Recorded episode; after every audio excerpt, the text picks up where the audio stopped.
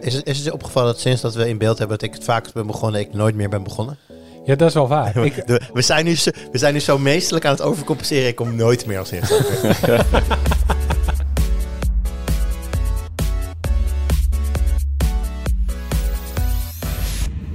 hoi, leuk dat je luistert welkom bij de Tweakers podcast, eh, aflevering 220 alweer. Mijn naam is Arnoud en ik zit vandaag aan de fysieke, echte tafel. Met, zijn we weer. zijn we weer. Met Jurian Ubachs, Hey, hallo. Jelle Stuip Hallo. en Daan van Monsjoe. Hallo.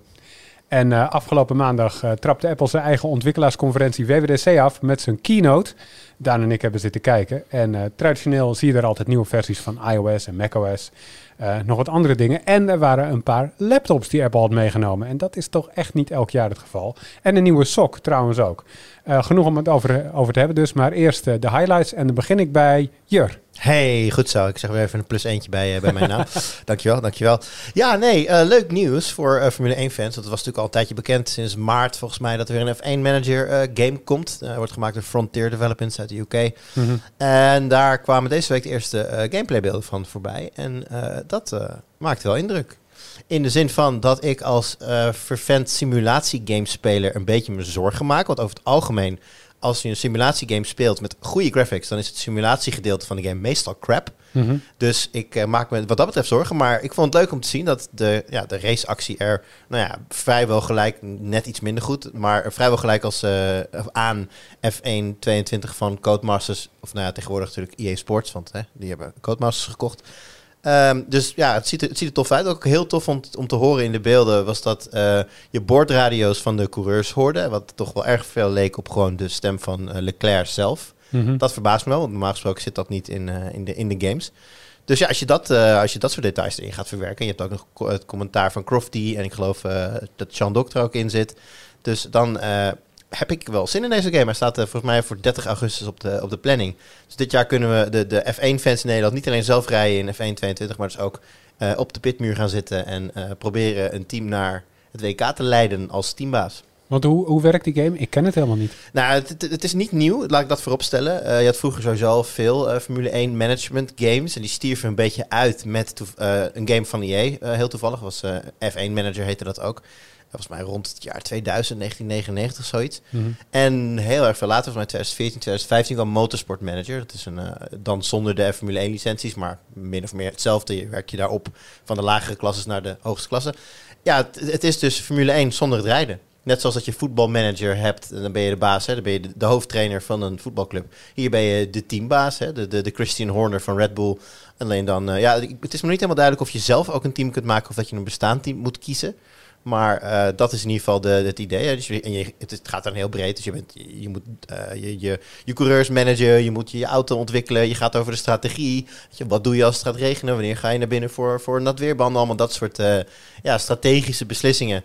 En daar zit dan ook, je, rijdt niet zelf, maar je kunt je, je coureurs over het algemeen en ook in deze game behoorlijk micromanagen door aan te geven wanneer ze zeg maar met volledige risico's moeten gaan rijden of juist een beetje behoudend en aan de banden sparen. Kijk, in het echt ga je niet tegen een Lewis Hamilton kunnen zeggen van nou ga nu maar even snel inhalen, want dat, dat staat de jongen wel Nou vrij. ja, Je kan het zeggen. Nou ja, it's ja. hammer time, Tot, Lewis. ja, precies. Tot op zekere of de party mode Ja. aanzetten, inderdaad.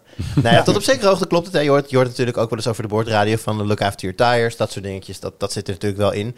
Maar ja, je kan ze hier wat in, als, als, als teambaas in deze game kun je ze net even wat meer micromanagen dan. En als jij de strategie bepaalt, dan gaat de, de coureur over het algemeen denk ik ook niet tegen je schreeuwen dat hij het er niet mee eens is. Of misschien ook wel. Dat zou heel erg leuk zijn. Nou, in, in ieder geval genoeg vragen. En ik, eh, ik ben er wel enthousiast over. Ik heb er wel zin in. Leuk. En hoe, is, is- zijn dit eigenlijk gewoon race games voor mensen die niet zo goed kunnen racen? Nou, ehm, ik moet zeggen, kijk, Formule 1, de race game van, eh, van EA dan, is gemaakt om heel goed speelbaar te zijn voor een heel breed publiek. Dus als je alle hulpmiddelen aanzet, dan kun je, nou ik zal niet zeggen met je ogen dicht, maar dan kun je vrij makkelijk gewoon die rondjes gaan rijden en ook wel races winnen. Ik denk dat je om, eh, om goed te kunnen zijn in een game, de Formule 1 beter moet snappen voor de manager game. Omdat alle verantwoordelijkheden op jouw schouders komen. Als jij eh My Team gaat spelen in een normale Formule 1 game, dat is ook, dan, dan run je ook je team, maar je rijdt, je rijdt ook zelf. Ja, dan kun je heel veel van het, van het kun je gewoon uitschakelen of überhaupt niet naar omkijken. En dan komt het, als je de game makkelijk hebt staan, komt het alsnog wel goed. Ja, als je een management game gaat spelen en je, doet, je snapt het, het ontwikkelgedeelte niet of dat soort dingetjes, Dus uh, nee, ik denk eigenlijk dat je meer van Formule 1 moet weten om een management game goed te kunnen spelen. En wat lijkt je leuker, racen of managen? Oeh. Ja, je, kijk, ik hou heel erg van FIFA en ik hou heel erg van voetbalmanager. Dus dat is een beetje, hmm. het is uh, kill your darlings. Um, nou, ik denk nu de management game. Omdat de Formule 1 game, die ligt natuurlijk al, uh, wat is het, een jaar of tien alweer bij, bij Codemasters. Uh, ja, wordt jaarlijks wel iets beter. Dit jaar VR is natuurlijk leuk. Um, maar ja, daar weet ik al redelijk wat ik ervan kan verwachten. Gewoon een goede management game met de Formule 1 licentie heb ik momenteel meer zin in dan gewoon de Formule 1 game. En jullie, uh, Daan, Jelle? Het lijkt me uh, prachtig. Manager? Ik, ja, nee, ik ben groot fan van de Formule 1. En ik heb ehm, eerder dit jaar in de podcast uh, groots verkondigd dat Elden Ring mijn Game of the Year wordt. En ik denk dat dat zo blijft. Maar ik heb wel echt heel veel zin in F1 Manager. Toen het werd aangekondigd was ik nog een beetje bang dat je alles aan de financiën moest regelen en alles om het race heen. Moet toch mhm. ook of niet? Ja, absoluut. Maar ik was een beetje bang dat de race zelf een beetje op de achtergrond zou uh, vallen. Maar na die gameplay review van gisteren, of eergisteren als je het nu luistert, ik ben echt enthousiast dat je ook echt inderdaad tijdens de race kan micromanagen. Want gebruik nu je hybride systemen, laat nu op, uh, laat je teammaat voorbij. Ik heb er echt zin in. Ja, ik denk overigens wel dat oh, zelfs als deze game letterlijk perfect zou zijn, blijft Elden Ring nog steeds game van het jaar. Ja, absoluut. Mhm. absoluut. Andere, mm. niet, niet, met elkaar te vergelijken en wat Elden Ring doet en uh, nou ja, laten we niet te veel afwijken, maar ik zie casual gamers nu helemaal hooked aan Elden Ring. Ik vind dat een enorme knappe prestatie voor zo'n ja, toch wel niche-achtige game. Ja. Heb jij een voorkeur, Jelle, voor manager of zelf racen? Uh, ik, ik, ik vind het manager ook wel leuk. Want dat, dat is ook wel een beetje wat je, wat je ja, mist. Hier, komt de Factorio gamer naar boven. ja, nou misschien wel. Maar als je, als je gewoon raced in, in F1, uh, dat is leuk. Maar je pitstop gaat bijvoorbeeld altijd goed. En dat zou ook heel lullig zijn als je echt... Uh, ja, uh, nou, heel, nieuwe, heel, goed aan het rijden bent. In de nieuwe moet je dus... Maar als je dat aanzet, dan heb je dus een soort van instuurmoment. En hoe perfecter jij dat doet, hoe sneller je pitstop is. Dat is natuurlijk in het echt werkt dat niet letterlijk zo. Maar dan heb je dus wel een mate van controle over hoe. En dat, en dat, dat wisselt dan tussen 2,4 of 3,6 als je het heel slecht hebt gedaan. Dus het valt mhm. de, de, de, de uitslag 4 zoveel, maar de uitslag valt wel mee. Maar je hebt wel dus een soort van skill dingetje wat nu bij de pitstop zit, als je dat wil. Oké. Ja, ik ben eigenlijk een beetje gestopt met F1 games spelen, omdat ze ieder jaar ja, min of meer hetzelfde waren. En, dit is wel nieuw. Sinds, in ieder geval sinds de vorige keer dat ik, uh, sinds de laatste F1 game die ik Ja, je moet ook zelf parkeren op de grid. Je moet hem ook zelf neerzetten als je dat, again, als je dat wil. Jeetje. Ja, en safety car. Gewoon, je, hebt een formation lab inderdaad. En dan moet je zo lekker gaan slingeren. En dan zeggen ze ook, je moet je bandjes warm maken. En dat kun je dan ook zien of ze, of ze goed warm worden en zo. Oh, dat klinkt als heel veel werk. Ik denk dat ik gewoon ga F1 managen, dat dat minder werk is. Ja, precies, ja. Nice. Hey Daan, wat heb jij uh, meegenomen vandaag? Ja, nou, ik, um, ik ben vorig jaar overgestapt op iOS. Uh, ik wilde mm dat eens proberen. En dat gaat eigenlijk best wel goed. Ik heb wel wat kleine dingen die ik nog steeds moet wennen aan iOS. Met iOS bedoel je een iPhone, neem ik Met, met een iPhone, ja. Maar het grootste ding voor mij is Lightning. Ik ben daar gewoon niet zo'n fan van. Het is een prima aansluiting, maar mijn oordopjes laat ik op een USB-C. Mijn laptop laat ik op een USB-C. Ehm, maar mijn iPhone niet. Mhm. En uh, het lijkt erop dat dat... Uh, het lijkt er niet op over uh, een jaar of twee komt daar gewoon verandering in. Want de EU gaat verplichten dat uh, vanaf de herfst van 2024 dat nieuwe smartphones, camera's, tablets een USB-C-aansluiting moeten hebben. Nice. Ja. Ja. Het is, het er nu, want dit is, bedoel, het is Europese regelgeving. Dus dat moet langs 1400 schijven en niet iedereen begrijpt waar, waar je dan staat. Waar, waar staat dit voorstel? Is het er nu definitief, definitief doorheen? Uh, het is er praktisch doorheen. onderhandelaren van de EU-raad en uh, het Europarlement zijn uh, tot een akkoord gekomen over de details van de wet. Mm En ja, formeel moet, moet het uh, parlement en de EU-raad nog goedkeuren, maar dat is dus eigenlijk al gebeurd. En als mm -hmm. dat eenmaal is gebeurd, dat gebeurt na de zomer, dan is hij er echt doorheen. Maar het, het gaat gebeuren. Ja. Maar, maar um, Daan, de, ja. de, volgens mij heeft de EU ook op een, op een gegeven moment gezegd van we willen micro-USB de standaard maken. Ja. Uh, dat is, uh, weet ik veel. 2009 of zo. Ja, tien oh. jaar geleden ruim. Oké, nou, ja. uh, ruim tien jaar geleden. En toen zei Apple van, oké, okay, nou, als je dan een iPhone koopt en micro-USB is de standaard, dan kan je ergens op via een verstopt linkje op onze site een koppelstukje naar USB voor Lightning naar, naar micro-USB aanvragen. En, en dat is hoe wij aan de wet voldoen. Dus, dus zou Apple niet gewoon weer precies zoiets kunnen doen? Weet ik niet. Ik, ik uh, we gaan al Bloomberg had laatst de scoop dat Apple intern eh, een iPhone met USB-C aan het testen zijn, echt als aansluiting. En dat die volgend jaar op de markt al zou komen. Dat is dan voor de wet. Moet natuurlijk kijken of dat blijkt. Ik bedoel, eh, dat zou oktober volgend jaar worden of zo. Ik, ik heb het idee dat het wel echt op het apparaat moet zitten. Dat je echt, dat als je een, een telefoon levert in Europa, dat die USB-C moet hebben. Punt. Oké, nou ja, dat, dat zou wel mooi zijn. Hm. En het, het- daaraan toevoegend, ik vind Lightning ook geen fantastische connector. Nee, Ik loop ook al een tijdje. Ik had een iPhone 6S en dan moest ik op een gegeven moment dat hele eh, eh, bordje met die aansluiting vervangen, omdat hij gewoon vol met stof zat. En dat, Ja. dat ja. kwam er niet uit. En, en dit is ook wel een veel voorkomend ding bij Lightning. Dus eh, USB-C eh, helemaal top. Ja, nee, ja, het is niet alleen dat, zeg maar, Lightning zelf. Hier was uitgebreid discussie over, want ik had laatst een plusartikel over het naderende einde van Lightning. Ehm, en daar was ook uitgebreid discussie over USB-C versus Lightning en welke aansluiting is steviger en zo. En daar kwam niet echt een duidelijke conclusie uit. Het was meer van ja, de een heeft de pins aan de buitenkant, Lightning. En USB-C die heeft er een metalen omhulsel omheen. Ehm, maar allebei die hebben zijn eigen fouten. Maar de kabels die Apple maakt, eh, zeker die iPhone-kabels die ze jarenlang meeleverden, die zijn gewoon super dun en die breken heel snel. Dus dan gaat het mis, zeg maar, niet bij de connector zelf, maar in de aansluiting naar de connector toe. Dat breekt dan. En omdat het Lightning is, en inmiddels hebben inderdaad mensen van USB-C misschien wel twee of drie kabels gewoon thuis liggen, omdat het bij meerdere gadgets zat en Lightning misschien niet. Ehm, is dat, is, is dat lastiger. Dus dat is, dat is dan een groot verschil. Alleen dat ligt niet aan Lightning zelf. Wat natuurlijk ook wel beperkingen heeft. Hè. De USB 2.0 snelheden is het maximale wat je haalt. Ja, dat was in 2012 prima. Anno 2022 is dat wel een beetje sneu aan het worden. Ja, maar aan de andere kant, hoe, hoeveel mensen eh, gaan nog... Oké, ik doe dit zelf, maar volgens mij ben ik een van de weinigen die, die gewoon 100 gig aan muziek op zijn telefoon gaat zetten, bijvoorbeeld. Want, want da- dat, dat is waar je die USB-aansluiting voor gebruikt. Eh, Even, eh, Was er 100 gig aan muziek op jouw telefoon? er past 256 gig aan Oh. muziek op mijn telefoon. Ja, maar, maar daar gaat het niet om. Maar volgens mij eh, doet, doet iedereen gewoon eh zinken over, over, over wifi met de cloud. Toch? De meeste Ja. wel, ja. Ja. Ja. Maar ook laden gaat eh, op iPhones niet al te rap. Ik heb geen Nee. idee of dat echt van Lightning zelf een beperking is. Maar ik vind het wel typisch Nee. dat, eh, dat, eh, dat eh, de USB-C-laders van Apple, de, de adapters, ja, die zijn natuurlijk voor laptops, maar die gaan, daar, daar zit Apple echt aan de bovenkant met laptops van hoe snel je kan laden. Er zijn weinig andere laptops die veel sneller laden volgens mij. Bij telefoons zijn ze de traagst ladende smartphone-merk wat er is. En dat vind ik best een opvallende constatering. Ja. Want dat had niet zo gehoeven. Nee, dat is ook zo. Ehm, Apple heeft al kritiek geuit over dit, eh, niet meer voor ze over deze wet. Ze zeggen Mhm.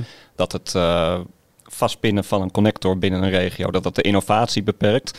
Maar Mhm. inderdaad, wat je zegt, Lightning loopt op USB 2.0 snelheden. Het laat op 20 watt. Innoveer dan ook. Ja, Dus, dat is niet gebeurd afgelopen tien jaar. Nee, absoluut niet. Eh, poort. precies. Ja. Maar hoe voel jij erover, Jelle? Want eh, bedoel, jij werkt heel veel met laptops. De, Ja. de- die moeten volgens mij ook, ik kijk even naar Daan, ook USB-C hebben allemaal? Ja, maar dat wordt, eh, laptops komt 40 maanden nadat de wet ehm, in van kracht komt. Dus dat duurt nog Meer iets dan langer. drie jaar, ja. Ja. Maar op een Ja. gegeven moment ook.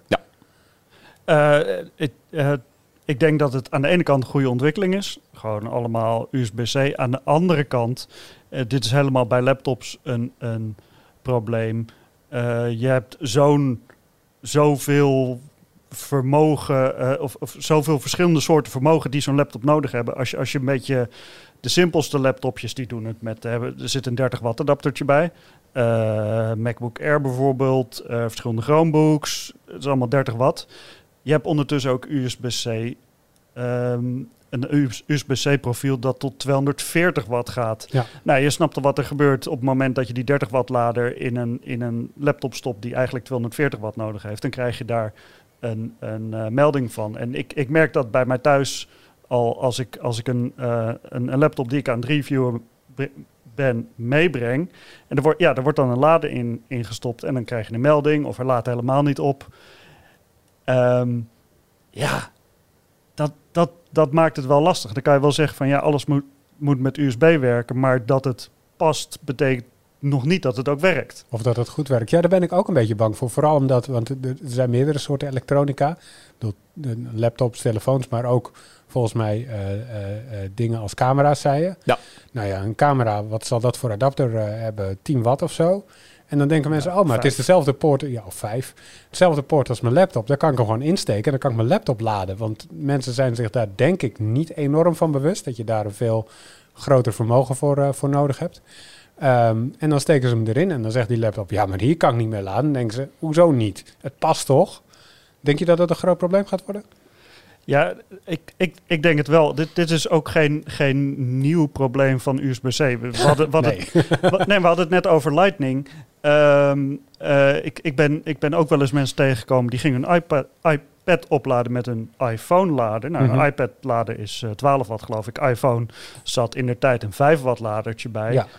En dan, ehm, nou ja, goed, als dat mensen waren die niet zo tech-savvy waren, dan gingen ze bij mij klagen van, nou ja, ik heb zo'n iPad gekocht, maar eh, het duurt eindeloos eh, om me op te laden. ja. Ehm, ja, Ehm, en, en eh, een, een oplossing hiervoor heb ik ook niet. Je, je, je kan iets met labels doen, zo van dit is een 60 watt adapter. Maar goed, dan, dan zou je dus op, die, op, je, op je laptop dus ook een soort van logootje moeten doen van minstens 60 watt. ja. Eh, dat wordt dan heel priegelig, want zo'n USB-C poortje is maar heel klein. Of met letters of kleuren. Nou, of zo. apparaten geven het ook aan, toch? Apparaten geven het ook aan als jij een voeding hebt die niet krachtig genoeg is. Dan zegt ze van, pak een betere voeding.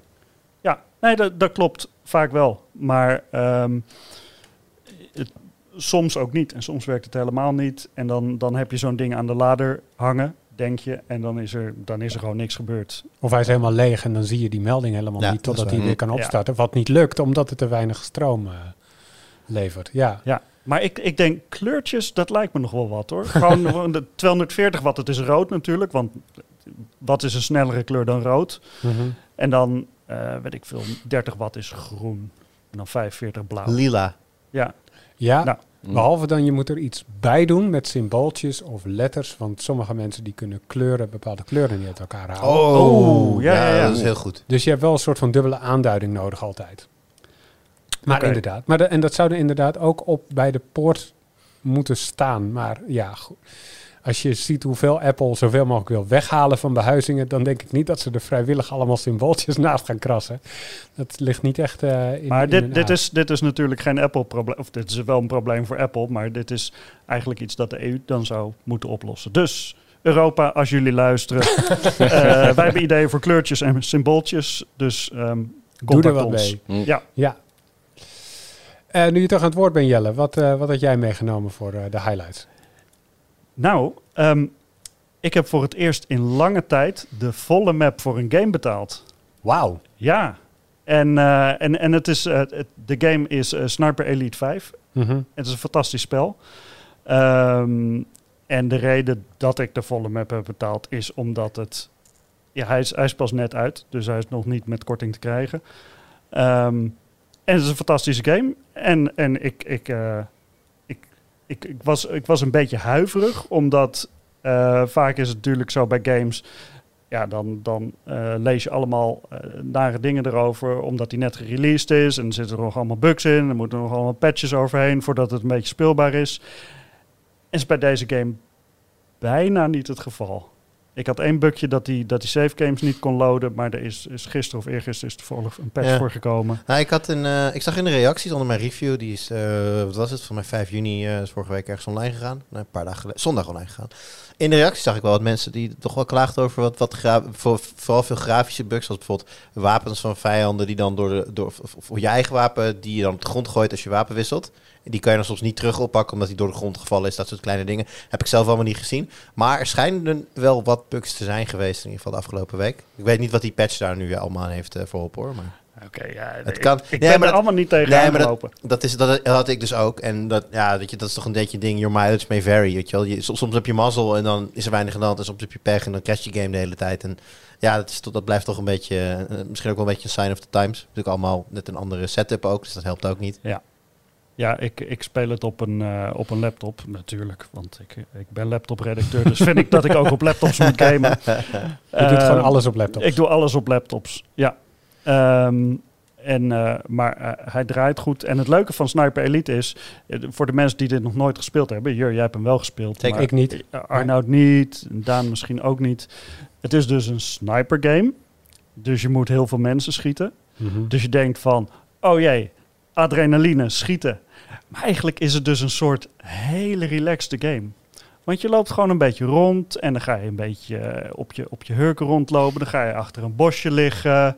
En dan ga je eens even een beetje in het rond kijken. Dan ga je met je binoculars, met je verrekijker, ga je een beetje, beetje, beetje van het landschap genieten. En dan tag je wat mensen. Dus het, het is een beetje...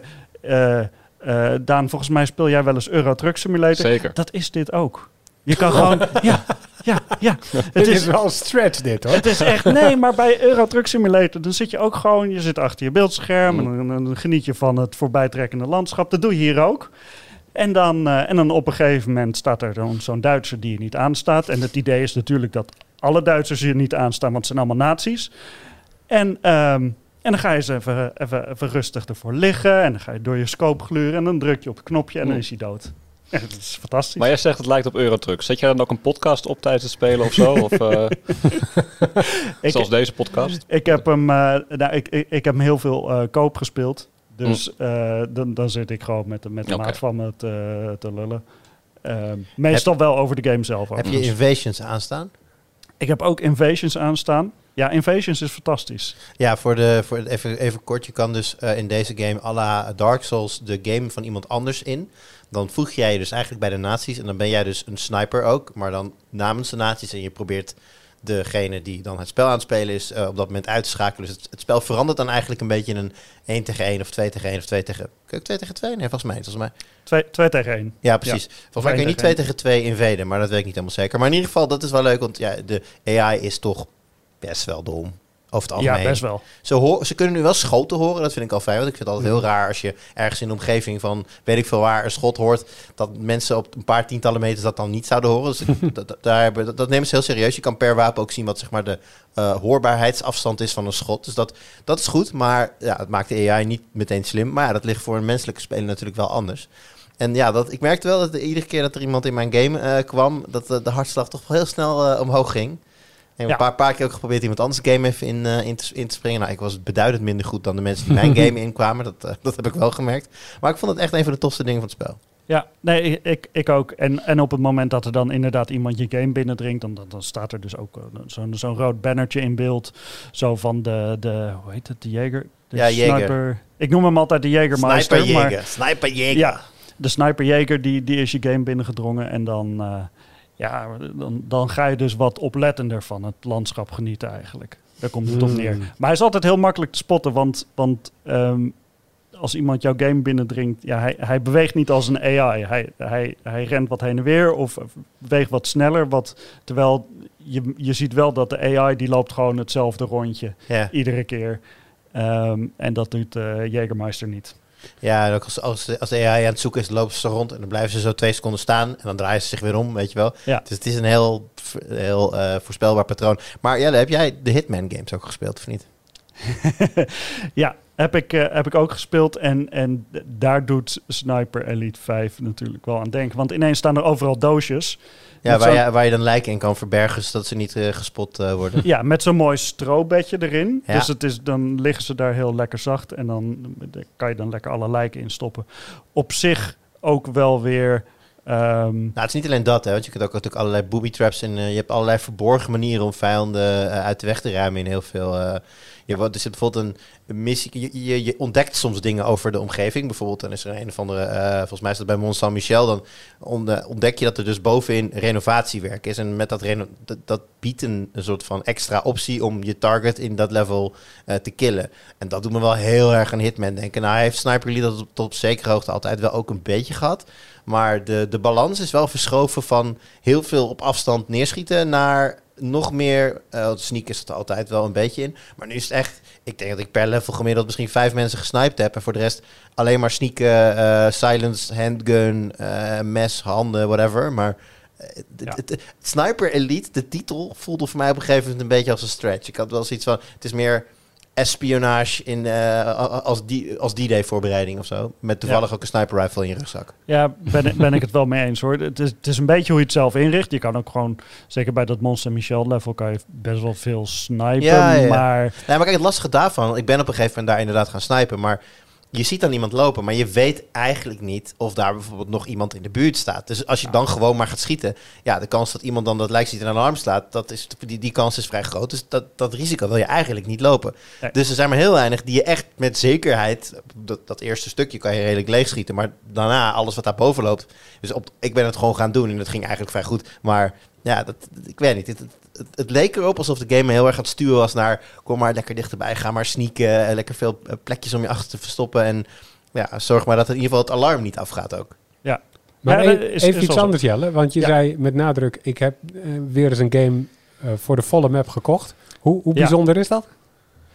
ehm, ik, ik koop eigenlijk altijd games in de aanbieding. Mhm. Ehm, ik koop ook wel eens games via key sites, waarvan je een beetje kan afvragen van, eh, Mhm. eh, nou ja, wa- wa- waarom, waarom is hij zo goedkoop? Ehm, maar eh, de, de, die maat van me met wie ik het speel, die was jarig. Dus ik heb hem sowieso volle map op Steam gekocht voor hem en hem cadeau gedaan. Ah. En, ehm, want ik vond het wel een beetje goedkoop om dan een, een, een key van een, een of andere keysite te geven, alsjeblieft, voor je verjaardag. Ehm, ja, maar voor mezelf heb ik hem dus wel van zo'n keysite. Het, sche- ja, het scheelde 10 euro of zo. Toch iets. Precies.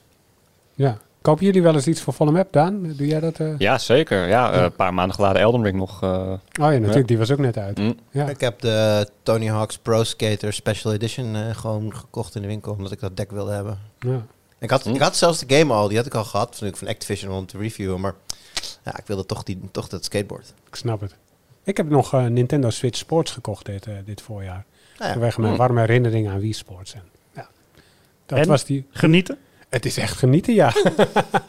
het is echt weer Ja, zo'n je? partygame, jazeker. Ja, het viel mij toch echt een beetje tegen. Ik had meer. Ik had een grotere stap in beleving verwacht ten opzichte van zeg maar de Wii-tijdperk. En het is Mhm. echt wel gewoon dat iets mooier, iets vloeiender. Maar Ja. wie, wie, zeg maar, wie met die Plus-uitbreiding destijds, even niet hoe dat heet, Wii Motion Plus. Ja, met Dat- Wii Sports Resort. Ja, Wii Sports Resort. Dat zit hier best wel dicht tegenaan. Ja. Gewoon qua. En oké, het, is- het ziet er mooier uit, uiteraard. De, resolutie ligt natuurlijk nu wat hoger. Maar ja, dat is het wel een beetje. En ik vind ook de, de spellen niet super leuk. En het zijn er ook niet super veel. Nee, het zijn Dus- niet veel. Het zijn er zes. ik, ik denk, ik, ik raad hem aan iedereen aan. Zeker als je kleine kinderen hebt, is het echt hartstikke leuk om te doen. Maar gewoon echt puur gewoon ja, als, als, als, als reviewer hier naar kijken, was ik wel een beetje Ja. teleurgesteld. En wat ik opvallend vind, en dit had ik nog niet eerder bij Nintendo meegemaakt. Het heeft natuurlijk een online gedeelte. Sterker nog, dat staat best wel vooraan. Ja. Eh, het, het, het werkt. Ja. Dat vind ik best Dat wel mag- gek. Dat mag. heb ik niet eerder meegemaakt. Mag gezegd, mag gezegd worden, ja. Maar de bowl minigame zit er ook in, toch? Hè, de? Het bowlen. Ja. Is dat net zo leuk als met op de Wii? Ja. Oké, nou dan moet Ja. ik hem wel hebben. Ja. Nee, maar dat is het ook. En het, het werkt allemaal gewoon goed genoeg. En ik vind dat zwaardvechten vind ik ook hartstikke lachen. Dus op zich, het is allemaal hartstikke lachen, maar het had beter gekund. Mhm. Ja, ik ben ook wel benieuwd naar de uitbreidingen die, de, die er nog aankomen. Hey, waar ik het tot slot nog even over wilde hebben was ehm, een eh, bericht wat woensdagochtend naar buiten kwam. En eh, eh, wat een beetje wegvalt in de haha Rian van Rijbroek eh, eh, eh, sfeer die er af en toe is. Namelijk dat de hele directie van een van Slands grootste IT-bedrijven voltallig is opgestapt. De uitvoerende directie moet ik zeggen. Namelijk van Centric, het bedrijf van Gerard Sanderink. Ehm, dat, dat ging als volgt. Sanderink heeft sinds hij een relatie heeft met, daar is er weer Van Rijbroek, eh, ligt hij eh, juridisch in de clinch met zijn ex, Brigitte van Echten. Ehm, en afgelopen maart had hij een schadevergoeding moeten betalen van 1,9 miljoen. En toen heeft Centric 1,9 miljoen, voor 1,9 miljoen beslag laten leggen op bezittingen van Van Echten, om dat een soort van op te heffen.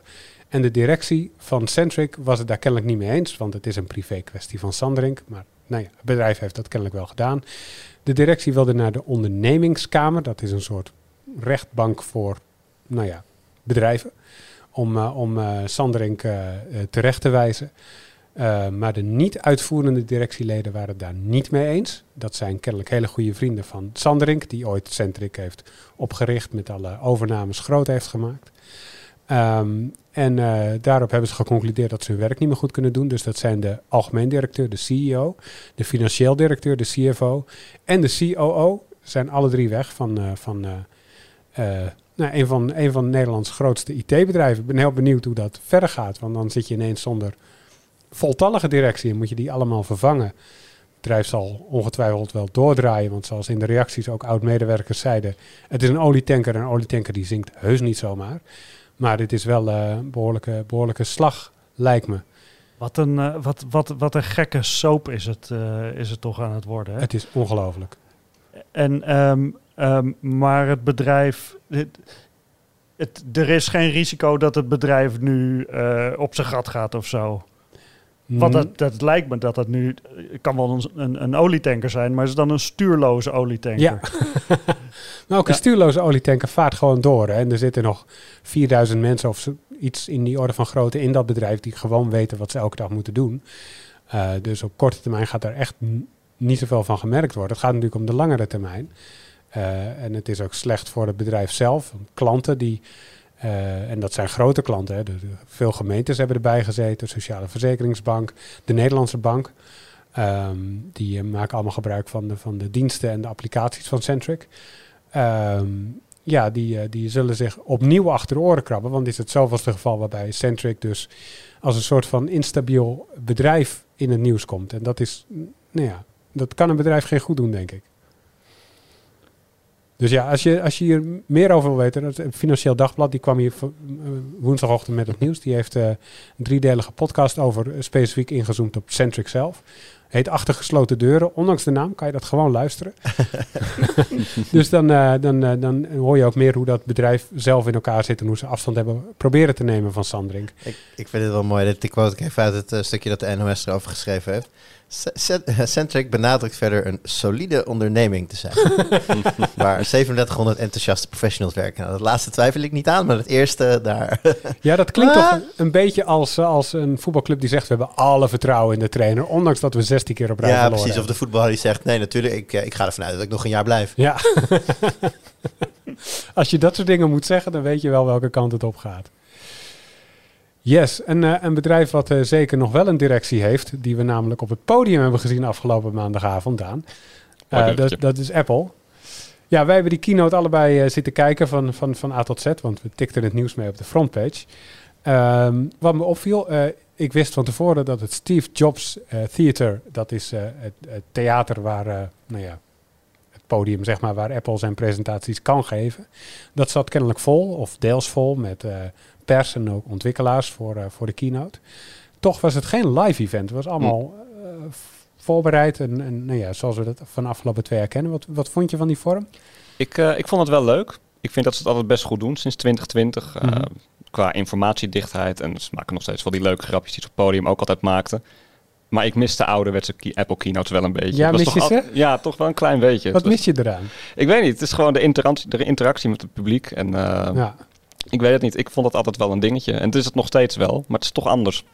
ja, het is anders. Het is duidelijk wel voorbereid en zo. En, Ja. en, ja. Ik vind die overgangen trouwens ook altijd super mooi. Dat ze Ja. van het ene, ene deel naar het andere gaan. Ik bedoel, ik kan er niet altijd naar kijken, want ik zit vaak te tikken. Maar dan denk ik wel, oh, Ja, het is lekker bombastisch dit, altijd. Ja, Ja. Dit, dit zit lekker in elkaar. Heb je dat ook zo gezien, Jelle? Eh, eh, eh, mooie overgangen, ja. Maar eh, als je zegt eh, interactie met het publiek, het publiek zit alleen maar te klappen altijd. Ja, is ook wel Ja. zo. Dat- nee, ik Toch- bedoel grapjes naar het publiek. eh, dat- ja. Ja, oké, nee, dat, dat zie ik wel. Ehm, ik, ik, ik, heb de, ik heb de keynote eh, niet live gekeken, ik heb het, Mhm. ik heb het nog nagekeken en het, het zat weer heel gelikt in elkaar, inderdaad. En ehm, ja, van mijn part mogen ze het wel zo blijven doen. Ik mis dat publiek niet echt. Ja. Eh, Ja. Gewoon lekker, wel, gewoon, lekker informatie raar. sturen. Maar ik vind het wel raar om dat dan publiek te zien dat daar gewoon naar een scherm zit te kijken. ja, Ja. maar dat publiek zie je ook niet. Nee, dat zag je niet, nee. Oké, ja, ik zag het wel in, eh, in, op social media en vanuit de mensen die daar zaten. Ja, En dan zag ik inderdaad allerlei, allerlei filmpjes en dingen voorbij komen van mensen die dus inderdaad in een soort gewoon normale persconferentie zaalopstelling zitten. Voor een heel groot soort van bioscoopscherm. Dan denk ik, Ja. ja, ehm, ga je dan tien uur, tussen vanuit hier dan tien uur vliegen om dan daar naar een scherm te kijken? wel, tuurlijk weten we, zal, vast wel wat hands-on en zo aan, aan Ja. vastzitten ook. Maar eh, ik vond het wel raar, ja. Nou, dit was al voor corona was dit ook een ding. Want eh, Apple heeft een paar jaar lang het idee gehad van... weet je wat we doen? Het is best wel veel eh, tijd en kosten om mensen helemaal naar Amerika te vliegen. We doen ook gewoon een Europees evenement. En dan was het in Londen of Berlijn of allebei. Ja. En dan, En dan mocht je, je, daar, mocht je daar naar een mocht je scherm daar kijken. naar een scherm kijken. Ja, vet. Ja, dus dat was in de, in de- ver voor corona, dat was nog helemaal geen ding, maar was dat ook wel een idee wat ze hadden. Zo van, dat kan prima. En daarnaast is er dan zo'n hands-on ruimte waar je, waar je het nieuwe apparaat kan, kan bepotelen. Eh, Lijkt me echt tof als we dan voor, voor- voortaan gewoon ook gaan vliegen, maar dat je dan niet naar een scherm gaat kijken, maar dat je een inlogcode kijkt en dan op je eigen laptop mag kijken terwijl je ergens anders bent. Lijkt me, Oeh. lijkt me heel tof. Of, of in je VR-bril. Zo. Oeh. Ja, maar wel dan eerst na- naar de andere kant van de wereld, niet thuis. Nee, niet thuis. Nee, anders werkt het nee. niet, Ja, nee. precies. Dat is wel een ervaring. Eh, jullie zijn allemaal gek. Ook dat hebben we alles meegemaakt trouwens. Nee, hè? Apple is gek. Ik, bij, bij Samsung was dat een keer bij de presentatie van de Galaxy S7, zeg ik uit mijn hoofd. Eh, toen eh, toen kwamen we per zaal binnen. En toen lag op elke stoel lag een VR-bril met een telefoon erin. En tijdens de presentatie moesten die opzetten. Gingen we met z'n allen kijken naar iets wat daar dan in VR gebeurde. Tegelijkertijd kwam Mark Zuckerberg het podium op. En dan had je, nou, dat was zo natuurlijk gemaakt, een foto gemaakt van Mark Zuckerberg die door het publiek heen loopt. Die allemaal met VR-brillen op zitten. Eh, dat is een vrij mooie foto. Ik vond het wel eh, eh, Ja. Stoer gedaan. Maar ook, ook dat is dus alles voor corona gewoon gedaan. Ja, ja, nee, maar eh, nutteloze, niet, nutteloze vliegreisjes die zijn er genoeg geweest. Dus Ja. ik zal heel kort, de, de, de meeste kansloos die ik ken, THQ, die heeft ooit een heel groot gedeelte van het wereldwijde gamesjournaal naar New York gevlogen om het nieuwe logo van THQ te, te onthullen. Wauw. Ja, en voor de rest, er waren natuurlijk ook wel wat games, maar geen van die games was nieuw. Waren allemaal al eerder aangekondigd, getoond, whatever. Het ging echt gewoon vooral om het logo. Dat Daar was ze gewoon heel trots op. ja, echt een goed logo. Hey, maar Jelle, nog iets anders. Want de- we hadden net Ja. over hoe gelikt dat allemaal was. En toen hadden ze een demonstratie van de iPhone die je als webcam kan gebruiken voor je MacBook of je, of je Mac eh, computer. En dat zag er helemaal niet gelikt uit. Waarom was dat, denk je? Dat ik vond het, Vo- Vond je dat... Nee. Wat, wat vond je er niet gelikt aan? het zag er niet uit. kan, kan je wat meer in detail Oké, treden? ik weet wat de iPhone-camera kan qua beeld. Ja. Dat was niet dit. Dit zag er gewoon uit alsof het nou, niet een 27p-cameraatje was. Het was wel ietsjes beter. Maar ik vond de kwaliteit gewoon enorm tegenvallen voor het feit dat je een van de beste smartphone-camera's die je kan vinden, zeker voor video, aan je Mac klikt. Is het, niet- is meer het gewoon een heel simpel eh, dingetje van niet willen overpromissen? Nou, misschien. Ja, het, het zou ook wel gewoon kunnen zijn, want ehm, hij, hij wordt er inderdaad aangeklikt. Mhm. Eh, en, en dan moet je dus wel draadloos die, die, dat beeld doorsturen. Ik neem aan dat het via eh Wi-Fi Direct gaat. Waarschijnlijk niet Lijkt via. Bluetooth, want Wi-Fi Direct dat, dat eh, gebruikt eh, Apple nogal graag. Mhm. Ehm, maar ja, het moet natuurlijk ook snel en er gaat nog wat beeldbewerking overheen. Dus misschien is dat de reden dat het, dat het niet zo... ja, dat het er niet zo mooi uitzag.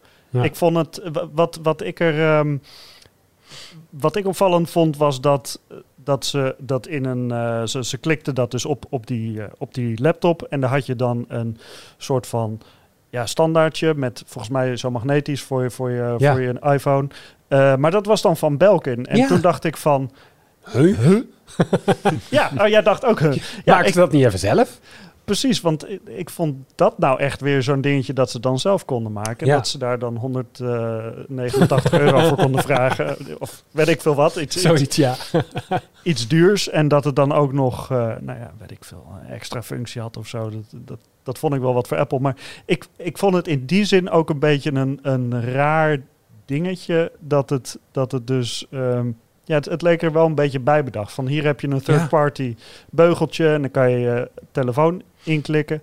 En wat ik ook nog dacht was van, ehm, dit was anderhalf jaar geleden heel tof geweest. Ja. Eh, want tijdens corona webcams waren niet aan te slepen.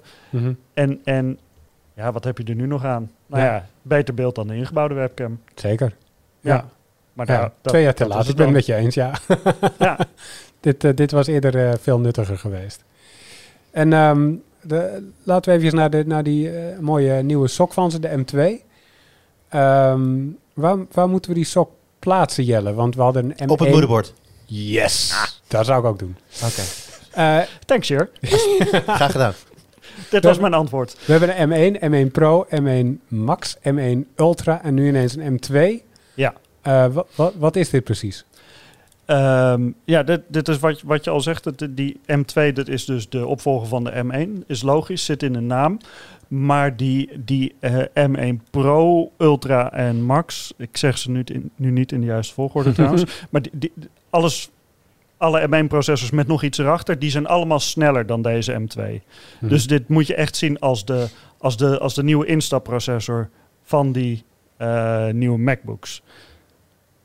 Dus ja, het, het, het- nieuwe generatie, maar dus niet super snel, maar wel wat sneller dan die eerste Maar generatie. er is een kwalificatie aan, want is, eh, de M1 was, was zeg maar de, de tweede komst van Jezus Christus, zo ongeveer.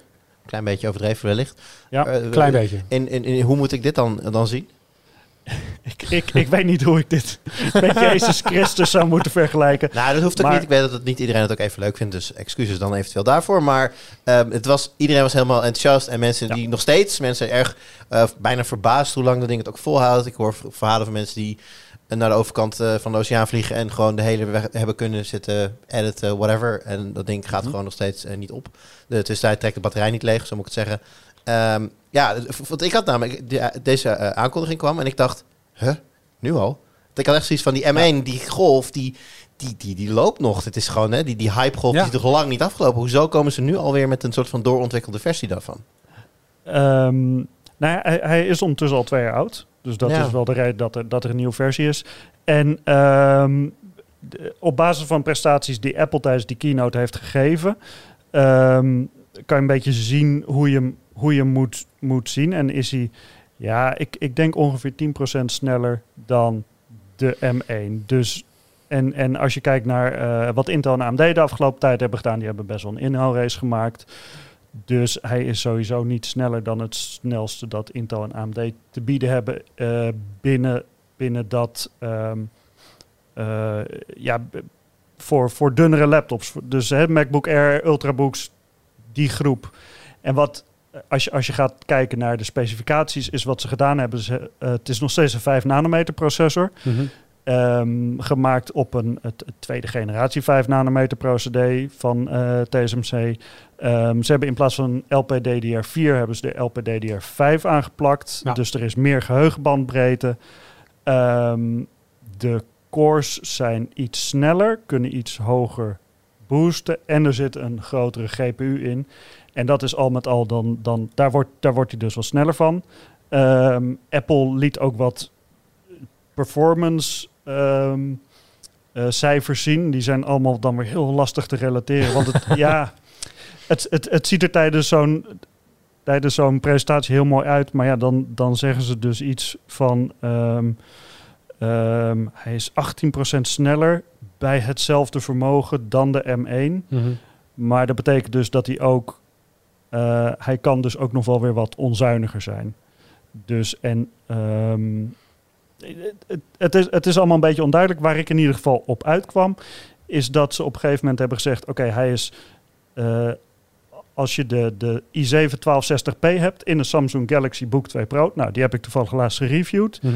dan is de M2 87% zo snel als die processors. Dus die processor is 100% en die M2 is 87%. Mhm. Nou, en dan kom je op een Cinebench score, als we dat zo doortrekken, van 8400 punten. En dan ben je 10% sneller dan de M1 Mhm. eh, in, de, in diezelfde benchmark. Dus dat is een beetje mijn projectie, 10% sneller. Dat is. Wacht. Is, vind je dit een generatieverschil? Want ze, noemen het, ze hebben het een nieuw cijfer gegeven.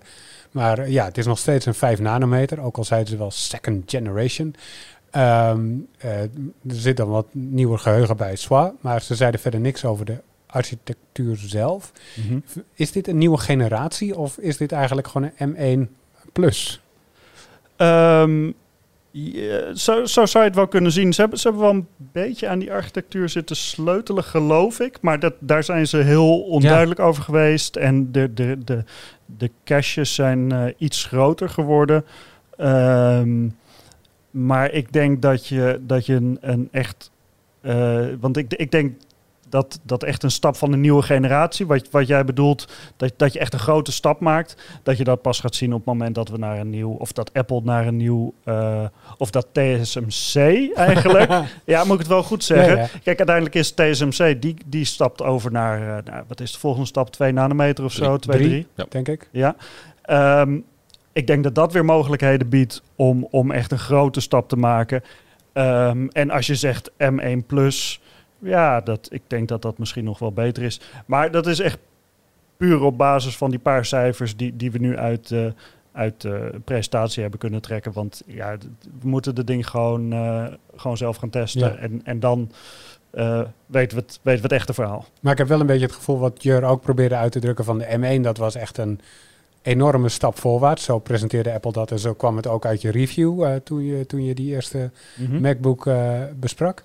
En dan komt deze M2 en ja, er is een procentje bij en hier en daar wat gesleuteld. Maar mm, ja. echt een grote stap lijkt het niet. Dat zeggen ze ook zelf niet. Ja, nee, dat, dat klopt. Het, het, ze, ze benadrukken inderdaad efficiëntie. Dus dat, dat ze het wat efficiënter hebben weten te maken. Um, en it, toen, de M1, toen ze met die M1 kwamen twee jaar geleden, toen moest, hadden ze ook echt wat te bewijzen. Want uh, ze deden Intel de deur uit en ja. ze moesten echt laten zien van oké, okay, we, we, gaan, we gaan nu onze eigen processors maken. En mensen waren natuurlijk sceptisch en ik was zelf ook sceptisch, want ja, we hebben, we hebben gezien hoe, hoe Microsoft ARM-processors in zijn, in zijn serviceproducten heeft gestopt. Mm -hmm. Ja, daar raakte ik allemaal niet zo van onder de indruk. Nee, en, en toen uh, kwam Apple uh, met die M1 ja, en ja, ze hadden wat te bewijzen en dat hebben ze ook gedaan. Ja. En dan uh, door naar de laptops. Uh, Daan, ik, we zaten maandagavond te kijken. Ik bedoel, er, er, waren dingen wel vooraf een beetje gelekt. En daarin zat die nieuwe MacBook Air. Die, die, Oké. Okay. Er kwam ook een MacBook Pro. Um, waar ze denk ik, en ik, ik, heb het niet geteld, maar 1 minuut 15 over hebben gehad of Zoiets, zo. Ja. Wat dacht jij toen je dat ding zag? Ik dacht, waarom? Het is ja. echt nog de oude MacBook Pro van uh, jaren geleden. Hij heeft een touchbar nog steeds. Alleen dan met een M2-sok inderdaad. Dat is zo'n kleine stap. Ja. Ik dacht echt, waarom doen jullie dit? Hou het lekker bij die 14-inch MacBook Pro. Geef die een M2. Nou Jelle, uh, waarom, waarom doen ze dit? Die, uh, dat, dat, dat model uh, MacBook Pro 13-inch stamt uit 2016. Ja. um, dus nou ja, de ontwikkeling daarvan is in, weet ik veel, 2013 gestart. En dat mm. hebben ze ontwikkeld. En sindsdien hebben ze alleen maar af en toe een nieuw moederbordje erin hoeven doen. Ja. En ik denk dat dat nieuw de reden is. Een nieuw toetsenbord mm. inderdaad. Butterfly toetsenbord eruit en het, het Magic Keyboard erin. Uh, maar ik denk, dat, ik denk dat dat de reden is. De, de research en development, de investering in het ontwikkelen van dat ding... Ja, dat, dat is gedaan. En, en nu kunnen ze zo ontzettend veel marge pakken... door alleen maar even een nieuw, toets, of een, uh, sorry, een nieuw moederbordje erin te stoppen... Ik denk dat dat de reden is dat ze hem nog verkopen. Um, ik vind het ook wel heel curieus, want wat ja. je zegt, je hebt, je hebt die 14 inch, je hebt nu de, uh, de MacBook Air is nu 13,6 inch, dus er zit, ja, hij, hij zit in een soort van gat waar eigenlijk geen gat is.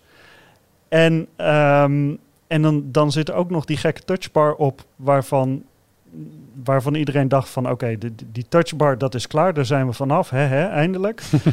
um, ja, en, en, en die is er nu nog. En dat, dat betekent dus ook dat je als ontwikkelaar voor uh, macOS software, dat je daar eigenlijk ook nog rekening mee moet houden. Ja, mm -hmm. of je laat hem gewoon links liggen, kan ook hoor. Maar, um, maar aan de andere kant ook weer niet te veel rekening. Want je kan nu al zien van, ja, die MacBook Pro, die, die houdt er nog een jaartje vol. Mm -hmm. Nou, of twee, weet ik veel. Ja. Maar niet lang, niet super lang. En, en, en dan is hij er weer geweest. Um, ja, maar de reden is geld, denk hmm. ik. Ja. Ja, ja want je hebt nu de, de, nieuwe MacBook Air, die heeft een mooi gelikt uiterlijk met zo'n notch en met een uh, wat groter scherm inderdaad. En heb je de MacBook Pro, die heeft dat niet, maar die heeft dan actieve koeling. En dan zegt Apple, ja, maar dan komt de ware potentie van de M2 naar boven. En dan met de M1 was dat in de praktijk, hij trottelde wat minder bij echt lange workloads. Mm -hmm. Maar wat vind je daarvan? Um, nou ja, dat, dat is wel interessant. Um, die, het, toen, toen je de M1 MacBook Air en een M1 Mac, Mac Pro had, ja, die, die MacBook Pro die voegde eigenlijk weinig toe, omdat die ventilator bijna nooit aanging, zoals je zegt. Mm -hmm. um, als ik de slides van Apple goed gelezen heb, gaat die M2 op zijn maximale verbruik eh, wel wat meer verbruiken dan een M1.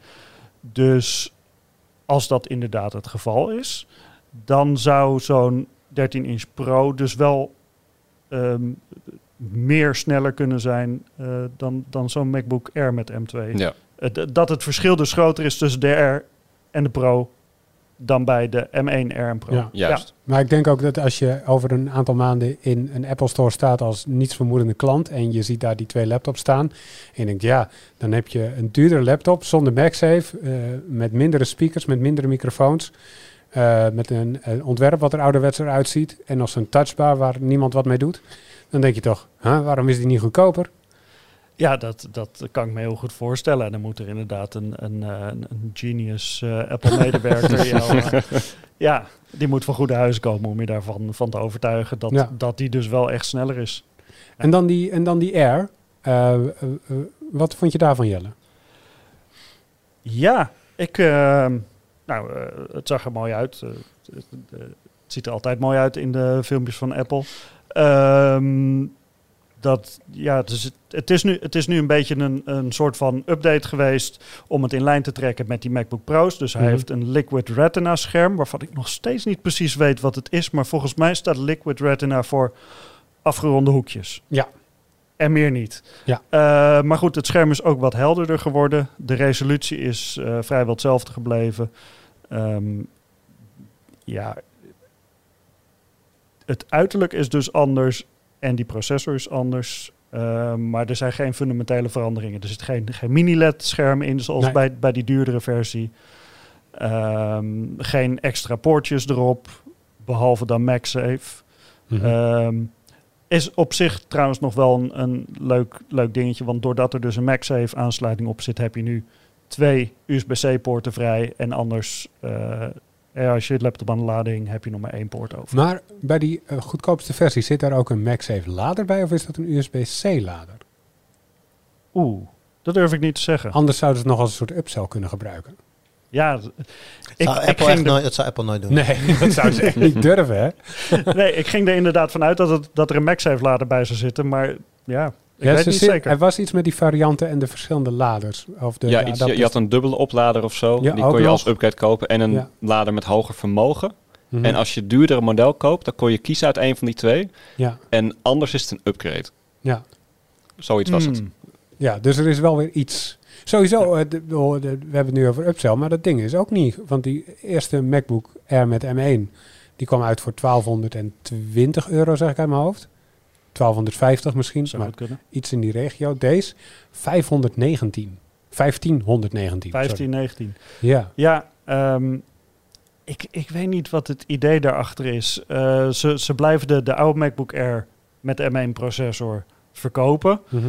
Ehm, dus het, het, is, het is een beetje de vraag wat, wat nou het idee erachter is. Omdat, kijk, op het moment dat je die oude MacBook M1 blijft verkopen... wat natuurlijk eh, nou, op zich nog een prima laptop is... eh, dan kan je daarmee de, de hogere prijs van die nieuwe MacBook Air rechtvaardigen. Want dan kan je zeggen van ja, maar dat is het goedkoop model. Dit Ja. is het nieuwe premium model. Ehm, maar ja, then again, ze hadden ook gewoon die oude MacBook Air de deur uit kunnen doen. en kunnen zeggen van dit is een nieuw MacBook Air. En Ja. dan gewoon ja, de, de prijs kunnen aanpassen en, en hem, ehm, weet ik veel, 1000, 1100 euro kunnen maken. Ja. Maar misschien is dit ook wel weer zo'n gevalletje van ehm, dat ze de ontwikkeling graag, de ontwikkelkosten eerst graag nog terug willen verdienen. Mm. Dat, die, dat die eerst nog duur wordt. En eh, ja, Apple kennende gaat dit ontwerp, nou dat gaat wel weer zes, zes jaar mee, vijf, zes jaar mee. Ehm, dus ga je, ga je misschien nog wel een M3-processor in dit jasje zien, die dan wel weer vriendelijker geprijsd is. Ja, Kan ik me zo voorstellen. dat zou kunnen inderdaad. De, de vorige was trouwens 1129 euro. Dus Oké. Maar is er in de laptopmarkt iets gebeurd in de tussentijd dat eh, toch overal chiptekorten, prijzen schieten omhoog van van alles en nog wat? Oh, Arnoud. Zijn laptops ineens veel duurder geworden? Nee, eh, laptops zijn goedkoper geworden. Ah, Maar dat is een, echt een hele recente ontwikkeling, omdat eh, corona is over, of nou ja, een soort van over. mhm. Ehm, en er- zijn natuurlijk verschrikkelijke tekorten geweest eh, in laptops. En dat had weer te maken met de chips die erin zitten. Dan was er weer tekort aan, aan processors, dan weer aan schermen, dan weer aan eh, chips, ik heb van alles gehoord. Eh, dat was allemaal tijdens corona een probleem, want mensen kochten hardware van hun geld. Ehm, nu is corona voorbij, mensen krijgen vakantiegeld en gaan ervan op vakantie. Mhm. En eh, kopen geen laptops meer. Dus er, is een, ehm, soort van overschot aan laptops. Dus op het moment, ik heb toevallig, eh, of niet toevallig, begin deze maand de Laptop Best Buy Guide eh, gepubliceerd. Is natuurlijk eens één keer in de twee maanden. En zeker in de categorie van 500 euro was het iedere keer zoeken of er nog wat beschikbaar was, wat nog een beetje het aanraden waard was. En nu kon ik zo'n hele lijst vinden van allemaal laptops met waar en een goed scherm en een goede processor en een knappe SSD in zaten. Dus ja, op het moment eh, als je nog een laptop wil kopen, dan is nu het moment. Sla je slag. Sla je slag. Eh, niet voor Apple overigens, want Apple die doet daar niet aan. Nee. Die eh, houdt de prijs altijd hetzelfde en vereist dat ook bij de winkels die hun producten verkopen. Yes. Dan even naar macOS, Daan. Wat, eh, wat viel daarop? Wat is er nieuw? Ehm, nou, als we het hebben over wat nieuw is, je had het net al over Continuity Camera. Dat Ja. is de optie om je iPhone als webcam te gebruiken. Verder even hoog over. Eh, macOS krijgt een Sorry, Stage wat? Manager. Doe even normaal met je hoog over. Even in het kort. Show. Stage. Manager. Eh, dat is een feature eh, die apps en vensters eh, aan de zijkant van je scherm toont, terwijl je een andere app gebruikt. Dus dan kan je makkelijker tussen apps wisselen of Ja. vensters. Eh, Spotlight krijgt een update. Dat is eh, de system-wide zoekfunctie van macOS. Eh daarmee kun je nu naar afbeeldingen zoeken in een fotobibliotheek of op het internet. En je kan er de, vanaf nu ook timers mee starten. En het gaat meer info laten zien over tv-series, acteurs, films, artiesten. De mail-app krijgt een paar nieuwe functies. Je- de zoekfunctie wordt beter. Ik krijg suggesties met recente contacten en linkjes, documenten, recente e-mails. Eh, messages krijgt een update, dus je kan binnenkort iMessage berichten bewerken of terugtrekken. Ja, hebben we in Nederland niet zoveel aan natuurlijk, want Nee. heel veel mensen die gebruiken dat niet. Nee, die gebruiken gewoon WhatsApp of eh, Ja. iets anders. Ja. Ja. Safari krijgt een functie om tabbladen te delen of groepjes tabbladen met gebruikers. En er komen wat nieuwe gaming functies. En wat mij daaraan opvalt is dat eigenlijk al die functies ook naar de iPad komen. Ja, hè? Ja, Ja. Ik zat er ook is- al naar te kijken, maar inderdaad, als je voor eh, iPad doorneemt wat er allemaal nieuw is, dan is dat eigenlijk het lijstje van de Mac en iPhone een soort van gecombineerd. Ja. Bijna alles. Zelfs dat Stage Manager, dat komt erin als een nieuwe manier om te, om te multitasken. Heb ik inmiddels mee gespeeld trouwens. En eh, het werkt. ja, het werkt. Het werkt zeker. Werkt het zo goed dat je in theorie je MacBook weg zou kunnen doen en zou kunnen gaan werken op je iPad Pro? eh, zou ik niet meteen doen. Want even, dat, dat was namelijk wat ik in mijn eh, bescheiden sociale bubbel redelijk zag bij mensen die die Mhm. presentatie aan het kijken waren. Die zeiden van, dit is het feature waar ik op gewacht heb om mijn iPad Pro, weliswaar dokt dan, maar eh, te gaan gebruiken als primaire eh, machine als ik onderweg ben om te werken. Ja, het- oh, het, het kan, maar het, het kon al. Wat dit verandert is dat je nu veel makkelijker dus vier dingen naast elkaar... Ja, maar precies, die resizable schermpjes, dat maakt Ja. dus wel eh, veel verschil voor mensen. En, Maar het is wel resizable, dus je, kun, je kan het formaat wijzigen, maar daar ben je niet vrij in. Apple loopt nog steeds iets te doen, dus dan loop je te slepen en dan, dan snapt hij dan naar een bepaalde... een vorm toe. Dus je hebt wel eh, je hebt, eh, meer vormen, maar je bent er niet helemaal vrij in om bijvoorbeeld iets even linksboven te zetten en iets anders in het midden, Ja. terwijl je het linksboven in de gaten houdt. Dat soort dingen, dat werkt nog altijd niet. Het is niet, het is niet een volledige desktop en zo voelt het ook niet. Het zijn wel echt pro-functies. Want het werkt alleen op de nieuwe iPad Air en de iPad Pro's van vorig jaar. Voor de rest werkt het helemaal op geen enkele iPad. Hm. Dus gooi je MacBook nog niet weg, is wat je eigenlijk zegt. Ja, ik zou dit eerst uitgebreid uitproberen voordat je die overstap maakt. Maar eh, ja, ik vind het wel interessant om te zien dat Apple dit, eh, dit onderscheid maakt. Wat er, wat er ook nog nieuw was, eh, was natuurlijk iOS, iOS 16. Voor de meeste mensen relevant, namelijk voor iedereen met een iPhone, zoals jij dan. Mhm. Ehm, en, en dan krijg je voornamelijk, nou ja, niet voornamelijk, maar echt de highlight. En wat je het eerste ziet is het nieuwe lockscreen, waar je ineens van alles aan kan aanpassen. Ehm, ook al uitgebreid meegespeeld, dus hartstikke leuk om mee te spelen. Ik vind al die opties altijd super leuk. Ik loop daar oneindig mee te pielen. Want ja, dan liet ze een demo zien. Dan had hij, eh, een van die, eh, van die mensen had een foto van zijn dochters daar staan. En dan zag je de klok een beetje half achter die hoofden doorlopen. Dus het was een beetje uitgesneden. Toen dacht ik, ah leuk. Dat kan dus met foto's. Maar kan dat ook met tekenfilmfiguren? Dat heb ik dus ook geprobeerd. En dat werkt dus ook. Dus ik heb, want Yes. Jur begon laatst in onze Slack over Peppa Big om de een of andere reden. Dus dat zat toch in mijn hoofd. heb ik die erachter Sorry. gezet. En die eh, sneed hij ook gewoon keurig uit. En het klokje viel achter dat, dat roze hoofdje. Eh, dus dat is ook leuk om mee te spelen. Aan de andere kant, dat heb je dan eenmaal een keer ingesteld. Ik vraag me af, en dat wilde ik ook aan jullie vragen. Ik gebruik mijn lockscreen eigenlijk nooit. Hoe zit dat voor jou, Daan? Nou, ehm, toen ik Android nog gebruikte, gebruikte ik mijn lockscreen ook absoluut nooit. Want dan had ik Mhm. een mooie vingerafdrukscanner aan de achtergrond. En tegen de tijd dat mijn telefoon uit mijn zak was, was ik al ontgrendeld. Ja. Maar de iPhone heeft Face ID. Dus je moet Ja. eerst je telefoon pakken, kijken, dan unlock die en dan pas ga je telefoon in. Dus je lockscreen is echt het eerste wat je ziet. Dus ik denk Ja. voor een iPhone dat het best wel een leuke functie is. Maar, wat, wat doe je dan op dat lockscreen? Ja, weinig. Notificaties kijken. Ja, dat, dat, dat- is dus ook Dat het enige. Wat, en daar komt het. Die zijn dus naar onder verschoven en je ziet er maar één. Ja. En de rest staat erachter. Dus je kan niet meer een soort van overzicht krijgen van wat je hebt gemist. Want dan moet je gaan scrollen en gedoe en dingen. Dat kan je beter gewoon in het notificatiemenu doen. Dus ik denk in de praktijk dat het voor veel mensen eigenlijk een achteruitgang is en niet een vooruitgang. Jelle, je wil iets zeggen. Ik zie het aan je gezicht. Nou, ik, eh, ik, ik, ik was eerst, vond ik... eh, aan het begin van jouw verhaal was ik enthousiast over dat nieuwe lockscreen, Arnoud. En, eh, maar als je zegt van je kan maar één notificatie zien en dan... ja, laat maar zitten dan. Mhm. Dan heb je, ja, voor, voor mij is lockscreen toch wel als belangrijkste eh, inderdaad om, om notificaties te zien. Om, om, eh, op het moment dat je een berichtje binnenkrijgt, even kijken wat er in het berichtje staat. Je, je ziet dan de eerste twee, drie regels of zo, geloof ik. Ehm, dan kan je beoordelen of het belangrijk is. En dan kan je je telefoon weer wegleggen. Of je kan ervoor kiezen om, om gewoon eh, op, op het berichtje te reageren. Ehm, maar goed, op het moment dat je nou twee berichtjes binnenkrijgt... je kan die tweede niet eens lezen. Ja, laat maar zitten. Ja, Mm. ik denk ook dat ze fundamenteel de verkeerde gedachte hebben gebruikt. Want de gedachte is, je zet een foto op je lockscreen die je mooi vindt. Hè, bijvoorbeeld van eh, iemand, eh, de, je vriendin of vriend of kinderen of eh, Hond. hond, wat je wil. Maar het is iets wat van waarde voor je is. Dat is een beetje de, dus dat wil je zien. Dus dat was een beetje de grondgedachte achter het neerzetten van die notificaties onderaan, naast dat je er beter bij kan. Ehm, alleen ik denk dat die gedachte verkeerd is. Want op het moment dat je hem neerzet, ja, dan is die foto van waarde voor je.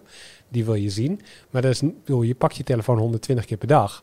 Je wil zien wat er nieuw is op die telefoon. Daarvoor pak je hem. Je pakt niet om naar die foto te kijken. Dan had je wel een foto Maar daar heb je toch een Apple Watch voor? Ja, dat zou kunnen. Als je die hebt. Ja, nee, ik, als je dan toch in dat ecosysteem zit, dan heb, je toch een, dan heb je volgens mij ook een Apple Watch. En dan hoef je toch niet naar je lockscreen te kijken om te weten of er een berichtje is. Ja, toch heb ik het Mm. idee dat veel mensen het wel zo gebruiken. Net als Daan dat doet eigenlijk. Ja. Ja, en, eh, maar misschien is- kijken wij er ook veel te praktisch tegenaan. Misschien zijn er wel veel mensen die gewoon af en toe hun telefoon uit hun zak halen... om even naar die foto van hun kat te kijken. Dat zou Ja. kunnen. Ja, die Ja. mensen zijn wel raar. Het is echt... Waarom Nee. waarom dan, als je dat dan doet, open dan gewoon je galerij en ga naar de goede foto's van je kat kijken. En dan zijn er vast meer. Waarom zijn je, waarom zijn je lockscreen gaan staren? Dat is toch dom? Hmm. Eh, Omdat het eh, onmiddellijk beschikbaar is. Precies, Toch? omdat het snel is. Dus jij wil het zeggen dat er mensen zijn die hun telefoon uit de broek halen, even naar een lockscreen. Oh ja, oh mooie kat. En dan hun telefoon weer weg doen. Dat, Ja, dat is toch, ja, heel, dat is ja, toch heel Jor, erg raar. Ja, dat is liefde voor je huisdier.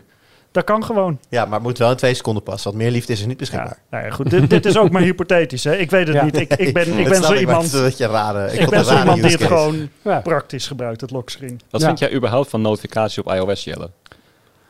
Eh, Ik- Ze zijn er. Ja. nee, ik bedoel, ik heb het idee sinds ik iOS gebruik dat het al heel snel een enorme lijst wordt die onoverzichtelijk is. En dat het, ik mis heel vaak berichtjes sinds ik op een iPhone zit. Ehm, Oh, maar dat kan Android ook wel hoor. Ik heb ook heel regelmatig Nee, een lijst. Nee, dat is zo. weten. Ja. Ja, bijvoorbeeld als je nou, nou, Gmail hebt, dan eh, op Android zie je heel mooi, je hebt vijf nieuwe mailtjes en dan kan je omlaag scrollen en dan zie je al je mailtjes. En iOS doet dat heel mooi, het groepeert ze ook. Maar Ja. het is niet hoeveel mailtjes je hebt. Dus zie je, oké, ik heb er twee ongeveer en dan tik je erop en heb je er acht die je niet hebt gelezen. Oh, Ja, ja. Ik, nou, weet je, weet je wat het is, Daan? Ik, ik heb ooit een iPhone 6S gekocht. Toen, toen ging ik naar iOS. En toen miste ik het notificatiecentrum van Android. Verschrikkelijk. Eh, en dit, dit is echt heel erg. Ondertussen weet ik niet meer beter. Dus Mhm. als je, als je zegt, wat vind je van de notificaties? Dan denk ik van, ja, ja wat vind ik daar eigenlijk van? fair Ik, enough. ik moet je het antwoord schuldig blijven. Oké, Is een jaar of zeven, Daan, en eh, dan, eh, dan, eh, komt mis het je helemaal niet goed, meer. gelukkig. Nou, dit lijkt me een goed punt om, eh, om eh, dit onderwerp af te sluiten. Wil ik nog even vooruitkijken naar wat er eh, op de site gebeurt komende week. En komend weekend wordt een heel leuk weekend. Want collega Olaf heeft al een tijdje gewerkt aan een groot interview met een topman van ASML. Dat komt er dit weekend aan. En we hebben nog een mooie terug in de tijd voor de maand juni klaarstaan. Onze maandelijkse rubriek waarin, eh, waarin we terugkijken op nieuws van 10, 15 en 20 jaar geleden. En een beetje kijken hoe het, eh, hoe het daarmee staat en hoe, hoe zich dat verder heeft ontwikkeld. Eh, dus dat is ook weer iets om naar uit te kijken voor, eh, voor komend weekend. Genoeg te lezen dus. Hey, dank jullie wel jongens. Graag gedaan. Graag gedaan. Jij dankjewel voor het luisteren. Feedback kan in de reacties of naar podcast.tweakers.net. Dat is e-mail. Tot volgende week. Doei!